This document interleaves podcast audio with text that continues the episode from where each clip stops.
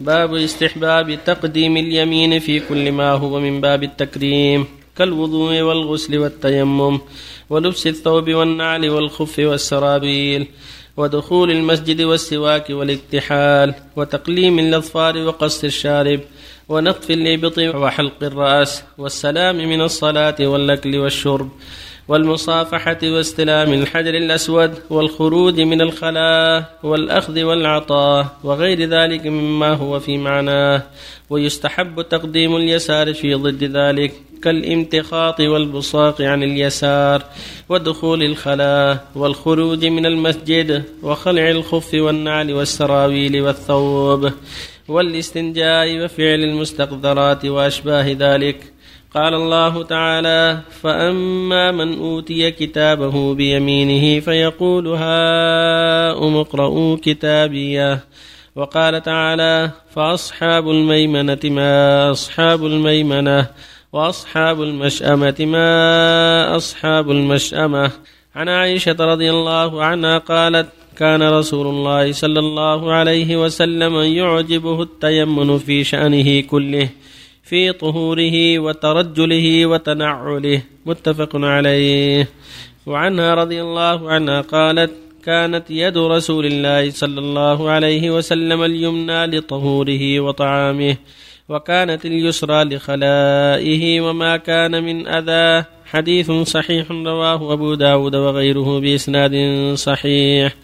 وعن أم عطية رضي الله عنها أن النبي صلى الله عليه وسلم قال لهن في غسل ابنته زينب رضي الله عنها ابدأن بميامنها ومواضع الوضوء منها. متفق عليه.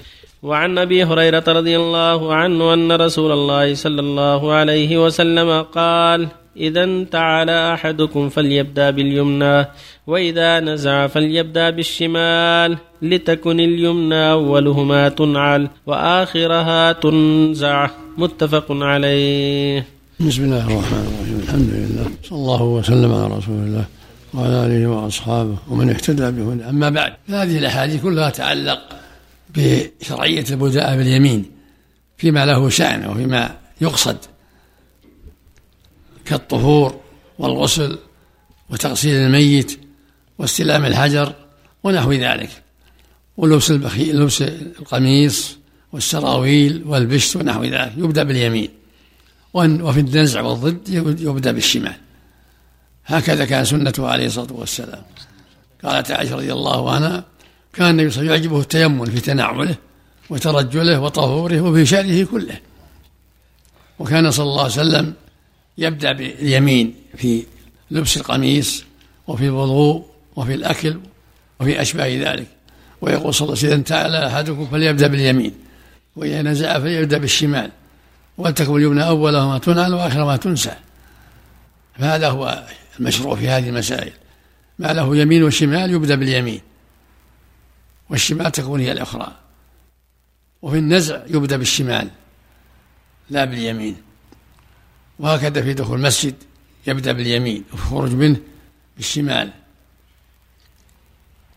هكذا دخول محل قضاء الحاجة يدخل باليسار ويخرج باليمين. فالمفضول له اليسار والفاضل له اليمين واللبس أفضل من الخلع فله اليمين والخلع له اليسار. وهكذا ما بينه المؤلف رحمه الله. ينبغي المؤمن يراعي هذه الأمور. وهكذا في استنجاءه يستنجي بيساره ويصب بيمينه يتوضأ بيمينه ويبدأ بما بينه الرسول عليه الصلاة والسلام. وفق الله الجميع بالنسبة للسواك. والسواك كذلك الشق الأيمن. هكذا. يستاك بادئا بالشق الأيمن. بأي يد احسن باليسار لأن لأن من من إزالة الأذى. من إزالة الأذى السواك من إزالة الأذى نعم. هل يجب على الإنسان يا شيخ على المسلم؟ سنة مستحب لا مستحب. هل هل يجب على المسلم أن يدفع الحج لأهله؟ إيش؟ هل يجب على المسلم أن ينفق على الحج يعني؟ لا لا الحج على أهله. نعم. من مالها. نعم. من فصل في استعمال السواك؟ قال إذا كان لتطيب الفم فباليسار وإذا كان قبل الصلاة فباليمين. ما لها أصل هذا.